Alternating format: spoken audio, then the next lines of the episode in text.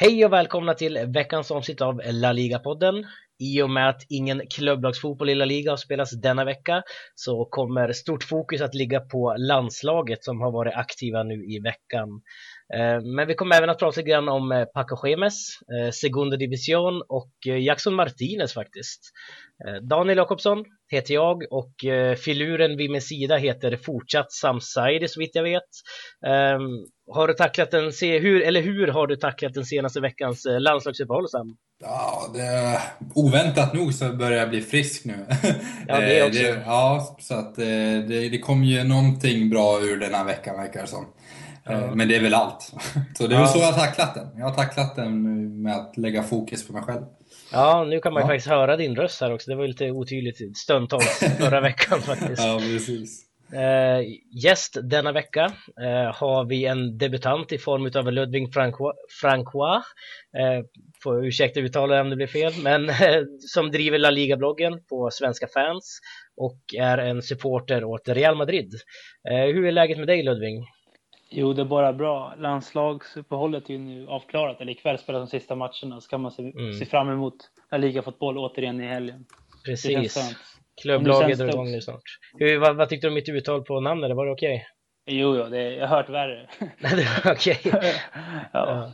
Men härligt, det är, det är godkänt i alla fall. Ja, absolut. Ja, eh, kan du berätta lite grann om eh, vart ditt intresse för Real Madrid har kommit ifrån till att börja med?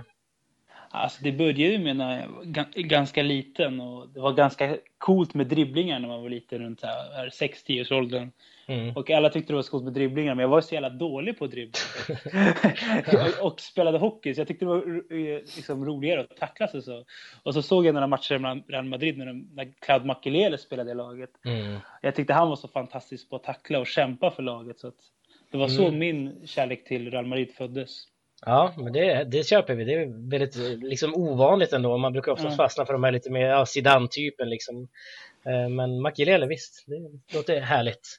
Um, vi ska direkt gå på första programpunkten denna vecka och det är som vanligt veckans fråga som eh, denna gång har skickats in av Meran Mahmoudi som ni kanske känner igen, han har varit med här några gånger, håller också på Real Madrid för den delen. Um, han har skickat in sin fråga till laligapodden gmail.com vilket jag hoppas att ni också gör. Skicka in era frågor eller ämnen så tar vi upp det nästa vecka kanske. Um, och uh, hans fråga lyder, jag citerar vilket lag kan möjligtvis bli en joker som hotar Real Madrid och Barcelona i La Liga? Sam? Ja, jag vet inte om eh, vi kan kalla det eh, en joker längre, men det är väl såklart eh, Atletico Madrid. Och eh, de kommer vara med ganska länge tror jag. Eh, och ja, för den delen, de kan vara med hela vägen också. Men de borde inte klara av det. Men med Simeone vid rodret så kan allt hända. De kan till och med gå och vinna den här ligan. Men om vi ska ta något annat lag, ja, jag hade ju hoppats lite på Val eller jag hoppas fortfarande på Valencia. Ja, väl kanske det börjar så här exceptionellt bra, men eh, kanske, ja, jag vet inte, om de får igång något maskineri. Mm, ligaledarna Villarreal då Ludvig, vad tror du om dem? ja, alltså Villarreal spelar ju ett spel med ganska högt pressspel, precis som Celta Vigo. Det brukar ju mattas ut längs med säsongen och att man dras med mycket skador. Bredden på truppen inte riktigt finns där. Mm. Men eh, jag säger, tråkigt nog så var Valencia inte riktigt tagit nästa steg och verkar inte ta nästa steg med Nuno som tränare. För att den truppen är mycket bättre än vad spelet visar just nu och resultaten. Mm, härligt. Ja, alltså man tro, man, jag trodde ju verkligen på Valencia. Jag minns inför säsongen så tippade vi på uh, svenska fans Spanien uh, en eventuell liksom, eh, uh, tabellslutposition eller vad man ska säga och där tippade jag Valencia som trea före Atletico Madrid. Vi får se hur det går nu för Nunes och Santo. Det har gått lite sådär, han ryktas ju vara på väg från klubben. Men eh, ja, jag vet inte, vi får se hur det går här. Men eh, jag hoppas vi svarar på din fråga Meran.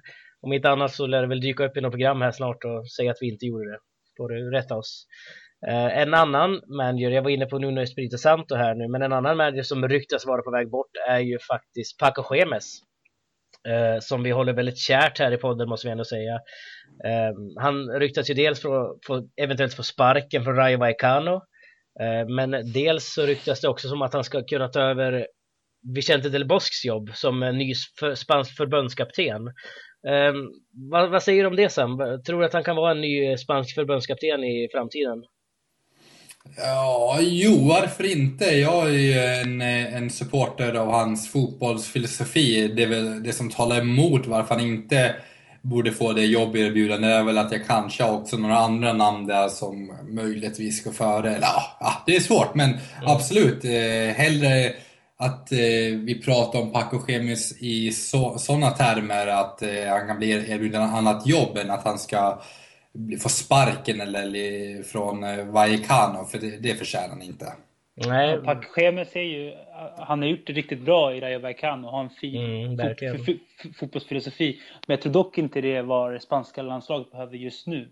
För Pachemes fotboll bygger mycket på bollinnehav och det är redan Spanien experter på. De behöver utveckla sitt spel och förnya sig själva. Mm. För som vi såg i VM senast, så är, de är ju sönderlästa. Och alla, lag behöver, alla vinnande lag behöver förnya sig själva. Så kanske behöver det spanska, lag, spanska landslaget söka efter en tränare som också kan erbjuda en mer direkt spelstil också. Mm. Ja, är det någon du tänkte på speciellt där? Ja, alltså kanske Ernesto Valverde, han, han har ändå en kombination i i sin filosofi. Mm. Och har är... gjort relativt bra resultat med Bilbao de två senaste åren. De har inte börjat så bra nu, men Mm, nej, det var ju samma i fjol för dem också, Atletic. Det gick ju lite halvtaskigt där. Ja, men jag delar nog den analysen också, att eh, Eh, Paco Gemes kommer inte erbjuda något nytt, utan det bygger mer vidare på den gamla liksom, upplagan av Spanien. Eh, som, och det sitter redan i blodet, det sitter redan i identiteten. Eh, utan det spanska landslaget skulle ju behöva någon slags eh, nytändning som Barcelona fick nu under våren. Eh, eller under Luis Enrique då. Så det är kanske en Luis Enrique-typ.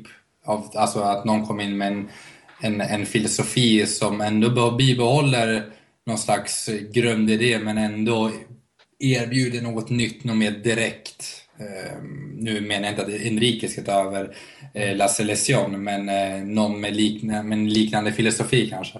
Ja. Dock tror jag att Luis Enrique skulle vara den perfekta tränaren att ta över efter EM faktiskt. Ja, det hade varit intressant, men det är frågan om han skulle lämna Barcelona där, jag vet inte. Ja, det tror jag inte. Jag hörde något snack om att de hade pratat med Unai Emery i dagarna. Okej. Okay. Ja, det hade varit intressant också faktiskt. Eh, nu börjar han få liksom vind i seglen med sitt Sevilla också. Eh, så det är väl lite konstiga rykten där i och för sig. Men eh, Paco Schemes då, Ludvig, vad tycker du om honom generellt? Ska han stanna i Rayo eller ska de kanske söka sig efter någonting nytt? Nej, alltså jag tycker Rayo med de resurserna de har och alltså Paco Schemes har fått ut maximalt av den truppen. Och han, alltså, det man inte får glömma det är att Rayo lånar de flesta sina spelare och varje år så är det en ny startelva som står där i princip. Och Paco Gemes fortsätter med sin ganska vågade fotbollsfilosofi att nå toppresultat för att vara en klubb av eh, Rayo Vallecanos mått varje år. Så absolut, mm. jag tycker han ska, de ska göra allt i sin makt för att få kvar, ha kvar honom. Mm. Men om det fortsätter så här då Sam, säger vi att Rayo Vallecanos form fortsätter liksom gå neråt. Klubben faller i tabellen. Ska han fortfarande vara kvar bara för att det är Paco Schemes? Nej, det är klart att det, det är en resultatorienterad bransch där och eh, sen så alltså, delar jag inte att eh, analysen att, att han har haft så dåliga resultat ändå. Nu har han i och för sig två raka förluster både mot Sevilla och Betis men innan det hade ju laget två raka segrar. Eh, och det är väl så det är med Paco Schemes och den trupp han, han har utan det blandas och ges lite. Det är liksom höga toppar och ganska låga dalar. Så att, eh, ja, jag vet inte. Eh, det är klart att det kommer, det kommer det kommer uppstå en problematik och med tanke på att de också möter Barcelona nästa match. Eh, har väl eh, lite lättare framöver senare, men om inte de resultaten är tillfredsställande då kommer ju den här, jag vet inte, röken, jag vet inte, elden att eldas på helt enkelt. Mm, precis, ja. viktigt att betona också att han faktiskt tappade ju Alberto Bueno nu i somras. Mm. Eh, som faktiskt var Rayos bästa spelare i fjol skulle jag vilja säga. Och Baptistao för den delen. Mm. Även Gael Kakuta. Ja, ja Kakuta också förvisso. Mm. Ja. Får se om Manuccio kommer igång. Jag gillar när han är i form. ja, härlig spelare. Tung ja, i luftrummet. verkligen. Har inte fått igång sin målproduktion eller överhuvudtaget än. Nej, eh, men eh, vi går vidare och snackar om Karim Benzema som är skadad nu faktiskt för eh, Real Madrid. Han skadade sig nu i Frankrikes match här nu senast. Eh, och Benzema har ju visat otroligt fin form i Real Madrid måste man ändå säga. Eller vad säger du Ludvig? Ja, absolut. Det känns som faktiskt första året sedan han kom till Real Madrid som han verkligen vågat ta för sig och, gör, och, och avsluta i vissa lägen han i, annars tidigare år skulle passat Ronaldo istället, eller Gareth Bale för den delen. Mm. Men vad är det liksom eh, som har fått honom att blomma ut så här då skulle du vilja säga? Alltså varför är Benzema så viktig för Real Madrid just nu? Alltså det är för att han egentligen är den enda av de tre där framme i, B i BBC som egentligen spring, tar löpningar för laget. Det är ju som Ancelotti var ute i Kanal Plus häromdagen och sa att Benzema är en av de bästa spelarna han har tränat och att han ligger till han ligger bakom en stor del av Ronaldos målproduktion. Mm. Han, han, han, han, löper för laget och, och också distribuerar bollen väldigt bra mm. i anfallsspelet. Det är främst det han ger Real Madrid. Ja, alltså det här är, jag, jag tycker, jag har sett Benzema också väldigt länge i de här liksom, i La Liga-sammanhang och jag tror inte jag sett honom så här bra tidigare faktiskt i La Liga som han faktiskt är nu. Eh, Sam, varför, har, eller hur snarare, har Benitez lyckats få igång honom? Är det någonting med hans spelstil tror du som gör att, ja, nu, nu går det bra för Benzema liksom? Nej, jag, jag håller nog inte med. Jag tycker, jag har sett eh, perioder där Benzema har visat liknande styrka och liknande form. Och det, det, är väl precis som vi också varit inne på nu, att han är en otroligt smart spelare som skapar ytor till sina medspelare. Det är en huvudfaktor bakom Ronaldos målproduktion. Och jag tror att varför han eh, kanske hyllas lite extra nu, det är väl att han faktiskt möjligtvis tar för sig, är lite mer egoistisk nu. Att han kanske tar avslut i lägen han kanske inte hade gjort, det gjort tidigare. Eh, han har en hög målproduktion, det syns i statistiken och då syns också spelaren. Eh, så att, eh, jag tror det är någon slags statistisk illusion vi upplever just nu. Att, att ehm, det får oss att tro att han, han är bättre än, än på länge när han egentligen alltid har varit så här bra. Eller han har i alla fall varit så här, eller haft en så här hög nivå under en lång period. Även när han inte hade kanske just den här målproduktionen.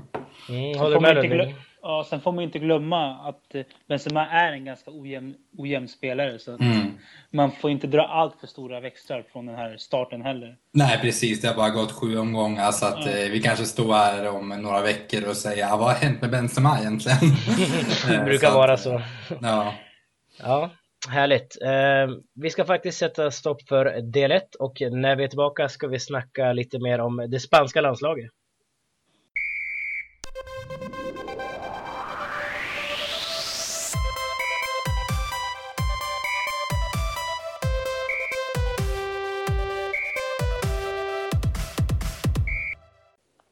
Vi var inne på det spanska landslaget lite kort i förra delen när vi pratade om Paco Gemes och i denna del kommer vi att lägga allt krut på just La Selección. Eh, I veckan som var så har det spanska landslaget besegrat Luxemburg med 4-0, eh, Ukraina med 0-1 och eh, man säkrade därmed, vilket man redan hade gjort i och för sig efter Luxemburg-matchen, första platsen i gruppen och är därmed klara för EM 2016 blir det, ja 2016. Eh, hur såg matchen ut Ludvig? Ja, det var ju som vanligt med Spanien att eh, ja, det var mycket bollinnehav, fina, några fina kombinationer, men det är inte så mycket nytt i Spanien. Det är, det är egentligen det vi har sett under hela kvalet och mm. alltså sen eh, spanska landslaget blev stora och framgångsrika. Det är bollinnehav, bollinnehavsfotbollen. Tyvärr mm. skulle jag säga. För att jag önskade se något nytt i det här, i det här kvalet.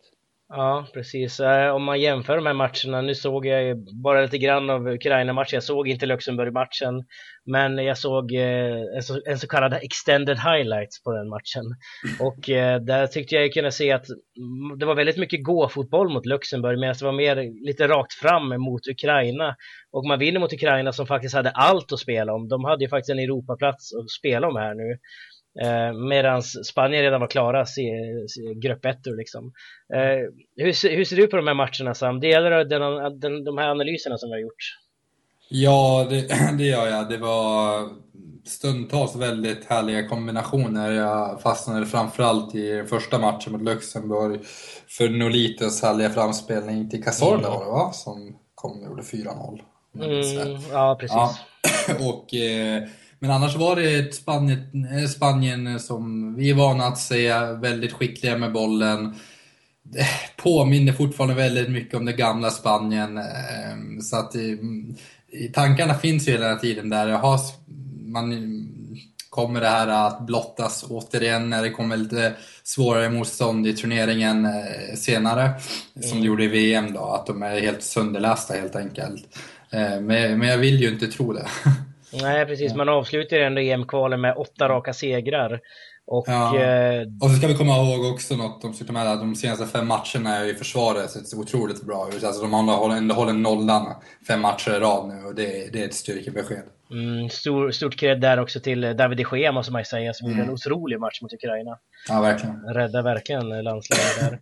Eh, men eh, hur, hur tycker du formen ser ut då Ludvig i, i Spanien här? Känns det som att man är på rätt väg?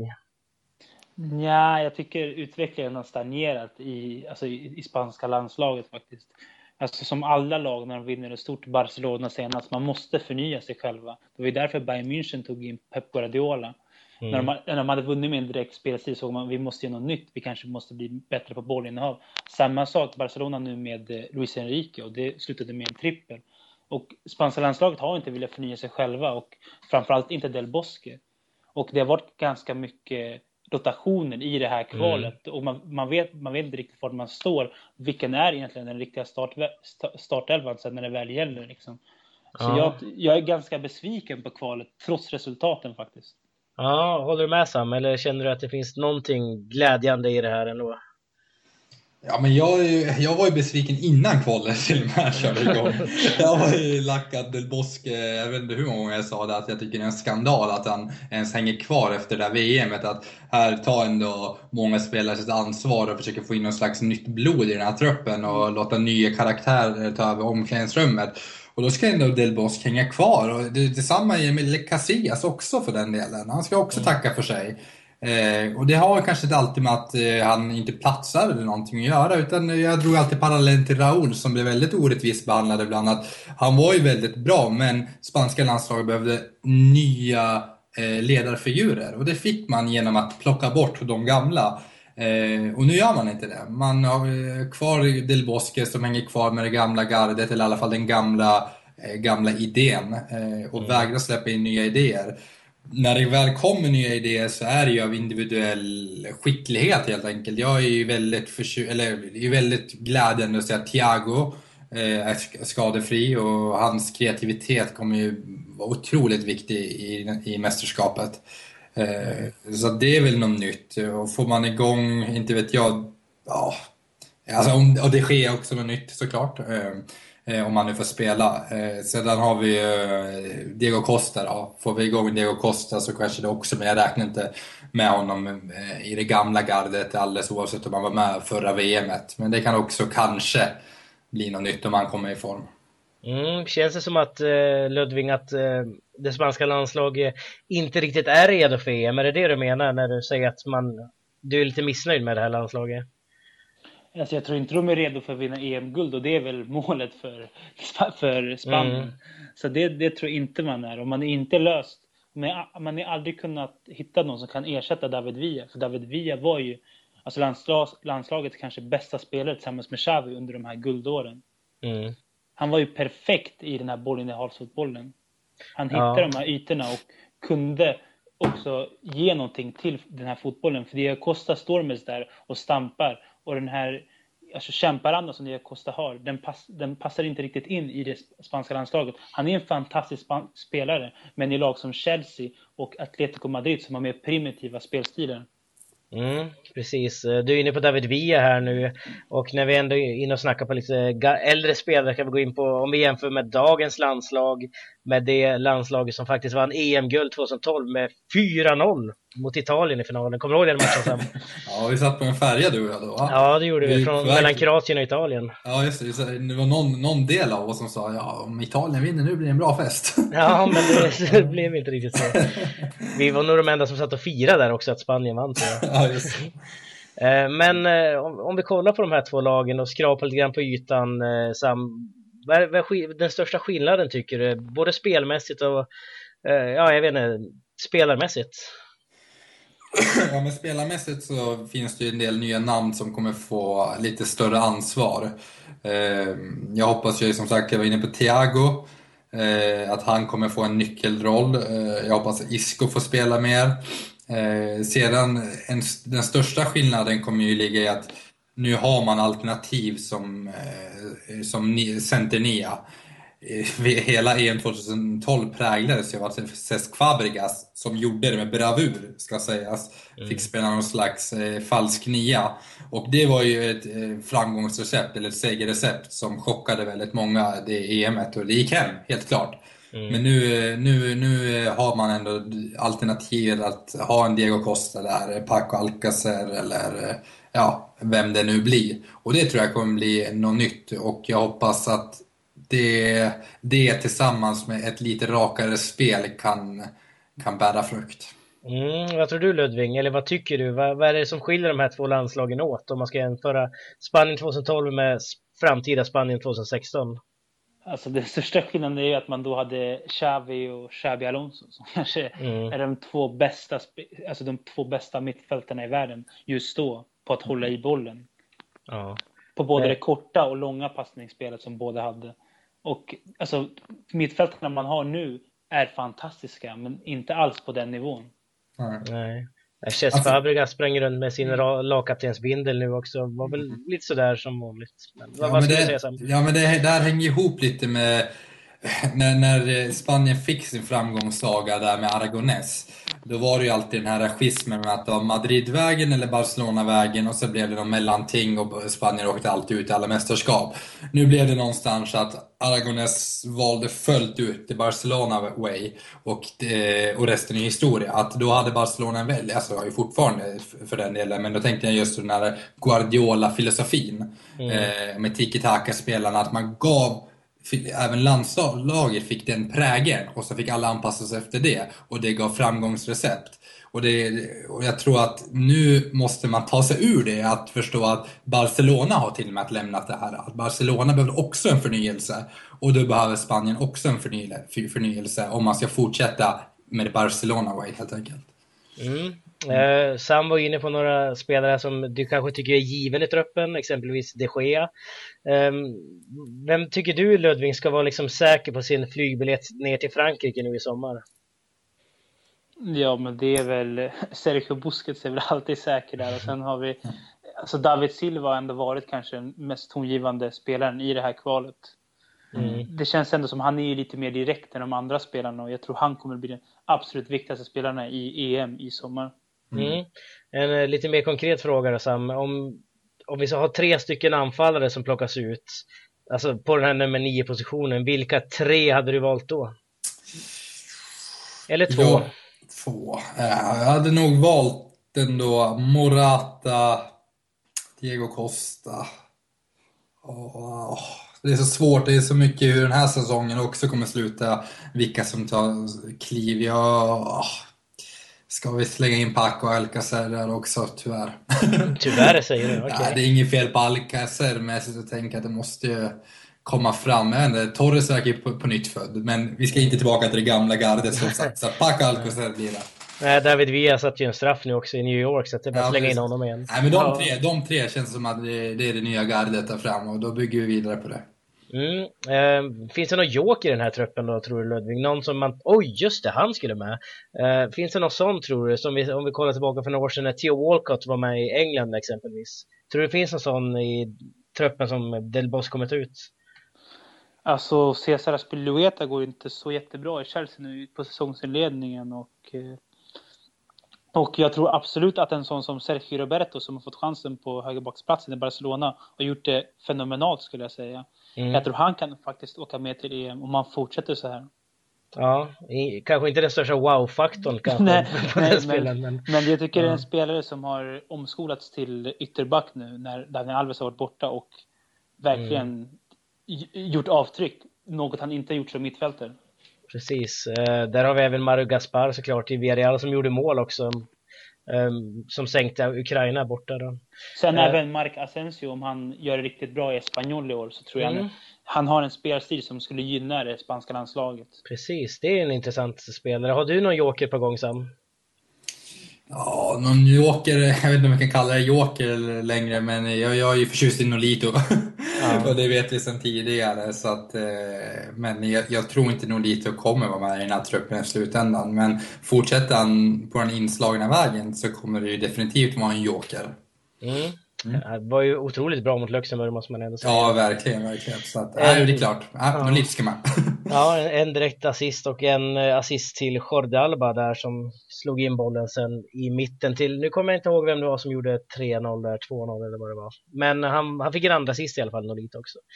Eh, vi ska faktiskt sätta stopp för eh, landslagsdelen och eh, i den tredje och sista delen ska vi prata om eh, Segundan och eh, världens bästa nummer nio, Jackson Martinez.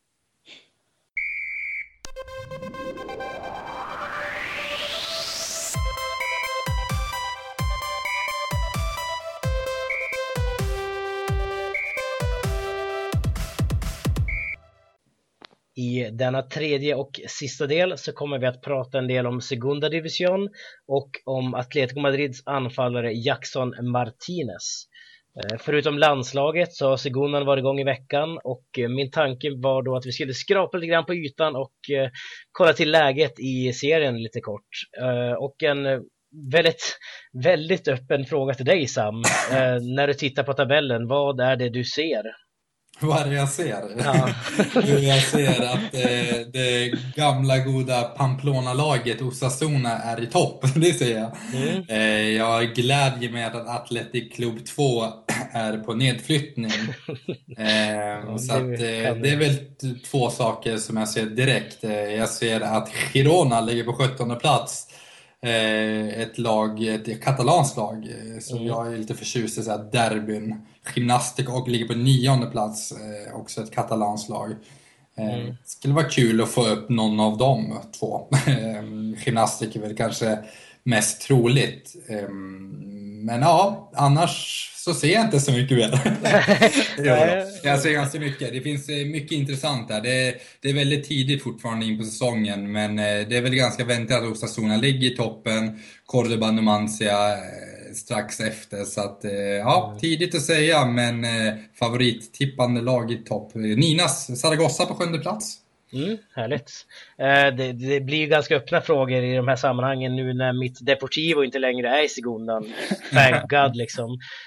så att det blir liksom, jag har inte så stor koll heller om jag ska vara ärlig. Ludvig, inte riktigt samma fråga, men ser du några skrällar än så länge? Några lag som du inte trodde skulle vara där de är just nu? Nej, kanske Real Oviedo som har eh, dragits med ganska stora ekonomiska problem de senaste mm. åren. Som ändå ligger bara fyra, fyra poäng från toppen. Och det skulle vara riktigt roligt om en sån klubb skulle gå upp eftersom att det är en klubb som har haft två stora ekonomiska kriser 2003 och 2012 och som har fostrat stora spanska landslagsspelare som Mata och Casorla. Och även, alltså om man vill räkna med Micho som gjorde en fantastisk säsong i Premier League för några år sedan. Ja, precis. Eh, om vi kollar tredje näst sist har vi Almeria Eh, som var i premiären i fjol. De har vi ändå helt okej okay koll på. Ehm, hur känns det att se Almeria där nere Sam? Känns det som att det är ett lag som du vill ska lämna seriesystemet helt? Nej, det, det kanske var retoriken förra året mer. Ja. Eh, nu lider jag lite med dem. De har ju så otroligt dålig form. Jag tror det är nu 5-6 matcher utan, utan seger de har också dessutom. Mm. Så att det går riktigt tungt för eh, Almeria och eh, det här eh, hade jag inte önskat. mm. Utan det, det räckte med att de åkte ur La Liga, men att de skulle börja så här dåligt var lite oväntat ändå. Men jag tror de kommer rycka upp sig. De har ändå några mm, rävar kvar som kommer fixa det här. Jag tänker på Soriano. Ja, precis. Gamle Soriano. Eh, vi har ju ganska många mm, klassiska lagen då måste man ju säga i år i den här Segunda Division. Vi har Osasuna, eh, Alaves för den delen som var i Uefa Cup-final för, ja, för 15 år sedan eller vad det var mot Liverpool där. Eh, Real Oviedo, Zaragoza som vi nämnde här då och eh, Albacete såklart, Tenerife, Mallorca, mm. Valladolid. Eh, många intressanta lag men eh, Ludvig, om du skulle få välja tre lag ur den här 22-klubbsserien, vilka hade du då velat sett i Primera nästa år? Ja, alltså då som jag tidigare sa, jag skulle vilja se Real Oviedo i premiära eftersom att det, det tycker jag är väldigt vackert att alltså supportrar, stöd, uppoffringar och räddar dem ur mm. två stora ekonomiska kriser de senaste åren. Precis. Och även Real Zaragoza, som att de hade ett fantastiskt lag när jag var yngre med en av mina favoritspelare genom tiderna, Pablo Aymar och även ja. bröderna Melito och Gerard Piqué fick sin, sin, ja. sina första... Alessandro var ju där också minns jag. Ja, så att de, gäller, de är också väldigt populära i Spanien så att det skulle vara bra för, för att fylla arenorna helt enkelt. Ja, väldigt och neutralt lag. Ja, och sen även Sosasuna för att jag älskar stämningen på El Sadar och det kallas ju mardrömsarenan i Spanien som att de stora elefanterna brukar falla där, Real Madrid och Barcelona. Mm, precis, samma fråga till dig då Sam. Vilka tre lag vill du se ta klivet upp? Mm, ja, men jag är nog inne på liknande. Eh, Osasuna Real Zaragoza vill jag få upp. Men eh, sedan så har jag ett egoistiskt val också i Gymnastic Tarragona. Mm -hmm. eh, just för att få in ett litet miniderby mot Barcelona och de katalanska lagen. Ja, härligt. Om vi vänder på steken då. Um, finns det något lag som, ni, som kanske riskerar nedflyttning? Vi tar ett lag här, det får räcka. Uh, ett lag som kanske har varit på den nedre halvan ett tag i, i fjol och i år. Som ni gärna vill säga nej, ni får inte åka ner. Vi hade exempelvis Recreativo Huelva i fjol. Uh, Spaniens äldsta klubb som åkte ur segundan. Finns det något sånt lag i år Ludvig som du känner att nej, ni får inte ramla ner? Ja, alltså det, jag känner inte riktigt den närheten till lagen i Segunda, men nu kommer jag säga tvärt emot Sam, eh, för att jag hoppas inte att Atletic B åker ut eftersom att jag tycker inte om att man har B-lagen i Segundan generellt sett. För jag tycker det är lite orättvist, de kan ju ändå inte gå upp. Men i Atletic Bilbaos fall som det är, det är en klubb som bara värvar spelare från sin region där talangutvecklingen är väldigt viktig så tycker jag det vore väldigt gynnsamt om deras ungdomar skulle kunna få fostran i segundan. Det skulle även ge A-laget bättre möjligheter. Så därför mm. vill jag inte att de åker ur. Mm, hur, hur tänker du Sam? Eh, ja, jag, jag, kan faktiskt dela delar av den analysen. Eh, just i det här specifika fallet kan, finns det väl en liten del av mig som också känner så. Men jag hade nog ändå valt Atletic Club att åka ur om jag fick välja. Men det hänger ihop med att jag är emot hela systemet. Eh, mm. Men om ett lag som inte får åka ut, ja, Mallorca, den goda, goda Mallis får ju inte åka ut där. De är ju härliga med sina lite jobbiga färger där.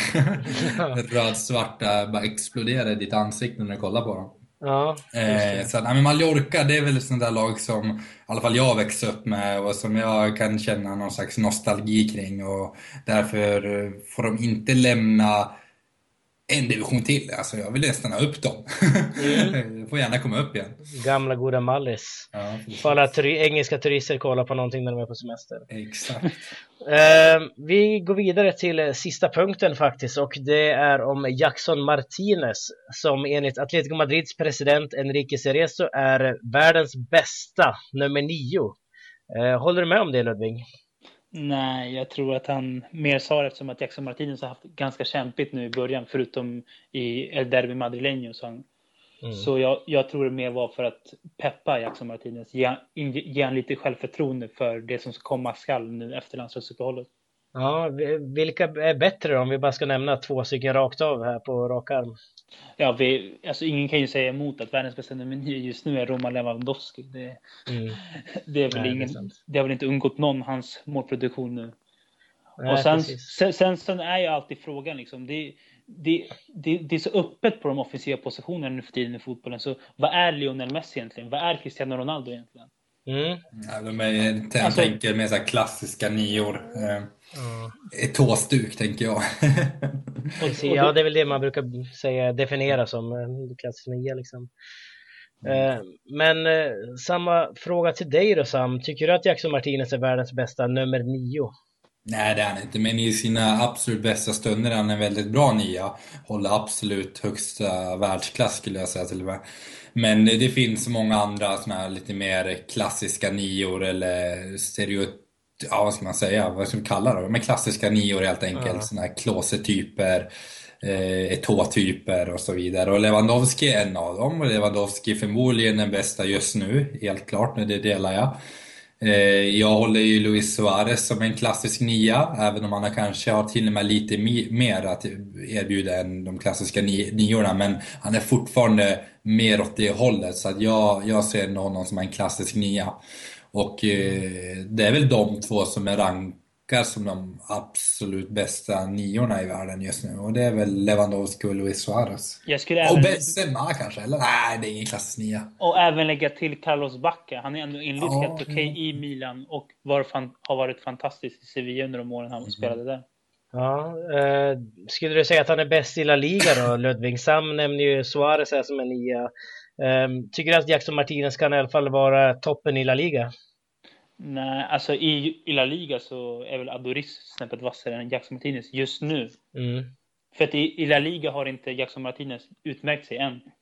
Nej, men det är klart att just nu, dagsform, så, är- så, så stämmer det absolut. Men om vi försöker kolla vad han tidigare presterat och vem Jackson Martinez är i sina bästa stunder, då är han ju absolut en av ligans bästa nior. Men Ja, kanske, ja, kanske till och med en av världens bästa nior, absolut. Det kanske han också har, men det beror på hur, hur listan ser ut. Topp 20 låt säga, där är han ju med. Eller? Ja. Mm. Det på. Frågan Så vart. Griezmann ra- rankas in också liksom. Ja, och det beror på, det är en definitionsfråga. Det beror på vad vi menar. är en nia Ja, vad är en nia? Men det, det, det vi kan få fram liksom rakt av, det här är nior, det är ju Lewandowski Suarez hittills i alla fall. Ja. Eh, Andy Carroll. Andy Carroll, Carlos Bacca.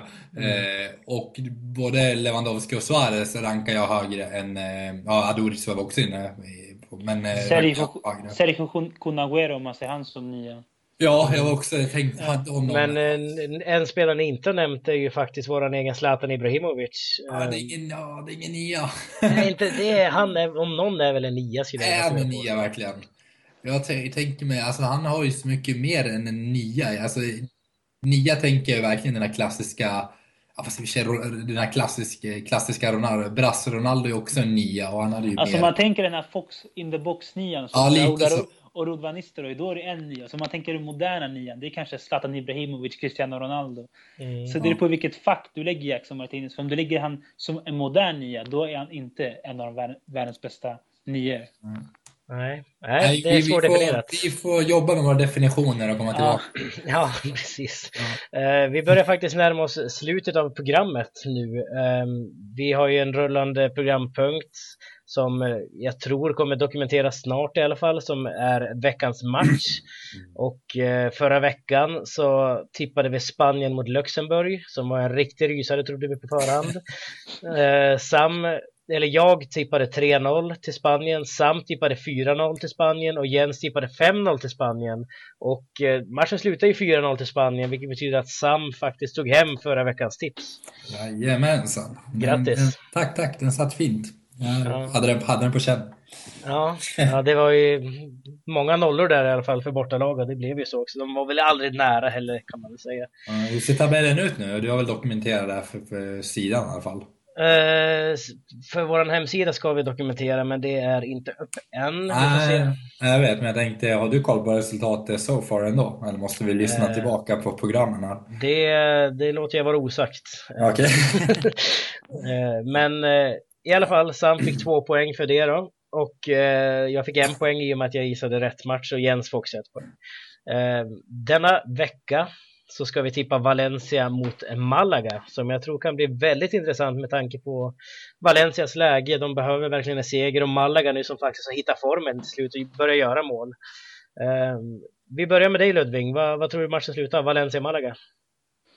Ja, jag tror det blir väldigt målsnålt. Eh, Valencia har inte fått till offensiven i början av säsongen och eh, inte Malaga heller för den delen. eh, Om, du, om- om vi bara bortser från matchen senast. Så att jag tror på väldigt mål, målsnål tillställning, men jag tror ändå Valencia grejer till slut. Så jag säger 1-0. 1-0 till Valencia. Ja. Ja. Jag är inne på samma sak där, men jag tippar på Valencia 2, Malaga 1. Eh, Jag tror att Malaga får in en boll där och Valencia i slutändan ändå vinner matchen. Kanske ett sent mål där av eh, Negredo säger vi. Eh, Sam, hur slutar matchen? Jag tänkte ju ta 2-1, men då tar jag väl 2-0 då. 2-0 till Valencia. Mm. Mm. Hur motiverar du det? Ja, motivera, ja, jag vet inte. Jag känner det är väl dags för Valencia att steppa upp lite och leva upp till de förväntningar La Liga-podden har på dem. Ehm, Så det är väl en, en orsak till varför jag väljer att, eh, Val- eller varför jag tippar Valencia som en 2-0-segrare. jag vill få in ett Malaga-mål också, men då blir det ju 2-1 och det tog ju du, så det försvann av den anledningen. Precis. Så, ja. Eh, den här matchen spelas i alla fall på lördag klockan 22 och vi kan ju faktiskt se den matchen nu också äntligen. Eh, på grund, eller tack vare Viasat då, som kanske mm. Sam kommer nämna nu i sin veckolista. Ja, absolut. Och Viasat tar ju hem den första första utmärkelsen, veckans Trocadero, utan, utan tvekan. Det känns underbart, inte bara Viasat som kanal, utan bara att det är för det första över att det finns någon som sänder La Liga. Men också givetvis att det, jag är glad att det är Viasat. Nu har jag fått upp förhoppningar om om eh, bra studios, eh, bra analyser och eh, roliga reportage. Vi har satt tror jag kommer bli en riktigt bra kanal framöver. Mm. ja, precis. Ja. Vissa kanske hävdar att det redan är en bra kanal, men... Eh, ja, men det, det, ja, men det, det är det redan. Ja. Eh, veckans förbär då? Veckans förbär går ju, vi fortsätter på mediaspåret här, vill jag ge till hela simor gruppen där. Mm, TV4-gruppen. Men... Ja, TV4-gruppen blir det, eller som hade ansvar för La Liga nu de senaste åren. Och har misshandlat hela ligan för svenska fans. Dåliga reportage, dåliga studios, ett engagemang har funnits hela tiden där man inte har tagit det riktigt seriöst. Och det har liksom gjort ont att titta på helt enkelt. Så att jag är väldigt liksom, lättad och glad att nu är det där över. Mm. Mm. Eh, vad säger du om listan Ludvig?